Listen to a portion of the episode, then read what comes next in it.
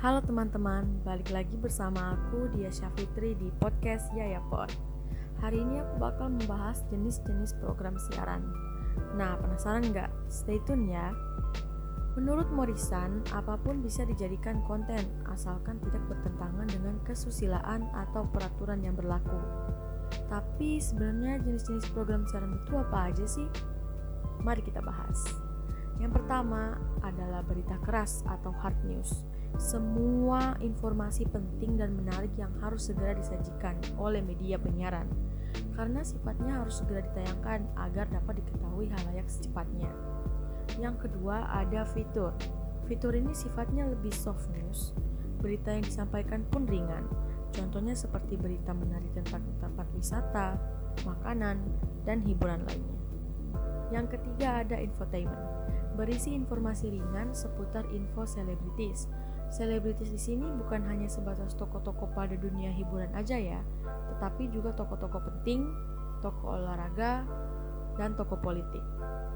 Yang keempat, current affair.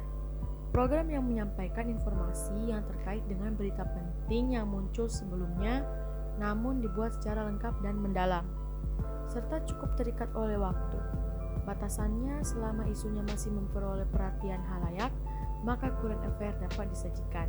Contohnya berita tentang bencana alam. Yang kelima ada dokumenter.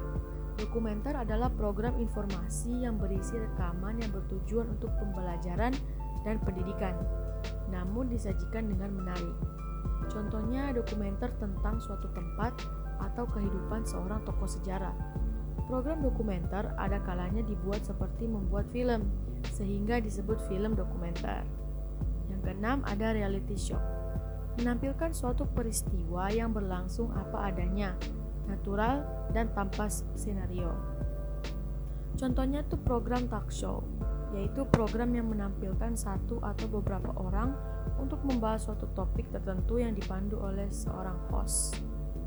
Yang ketujuh itu ada drama, Program yang menyajikan cerita mengenai kehidupan atau karakter seseorang atau beberapa orang yang diperankan oleh seorang pemain.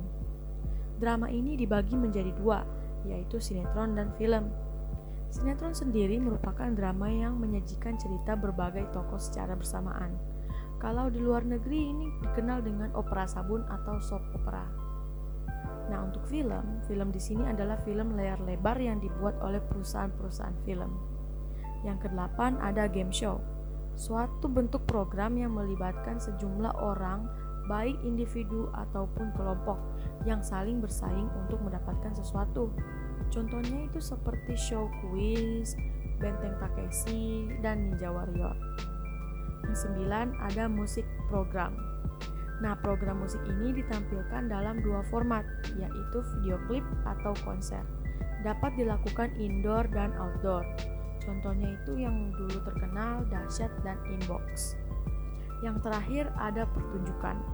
Pertunjukan merupakan program yang menampilkan kemampuan seseorang atau beberapa orang pada suatu lokasi, baik di studio maupun di luar studio. Contohnya seperti Indonesia Mencari Bakat, American Got Talent, dan lain sebagainya. Sepertinya itu aja yang bisa aku bagiin ke kalian. Semoga bermanfaat ya. See ya.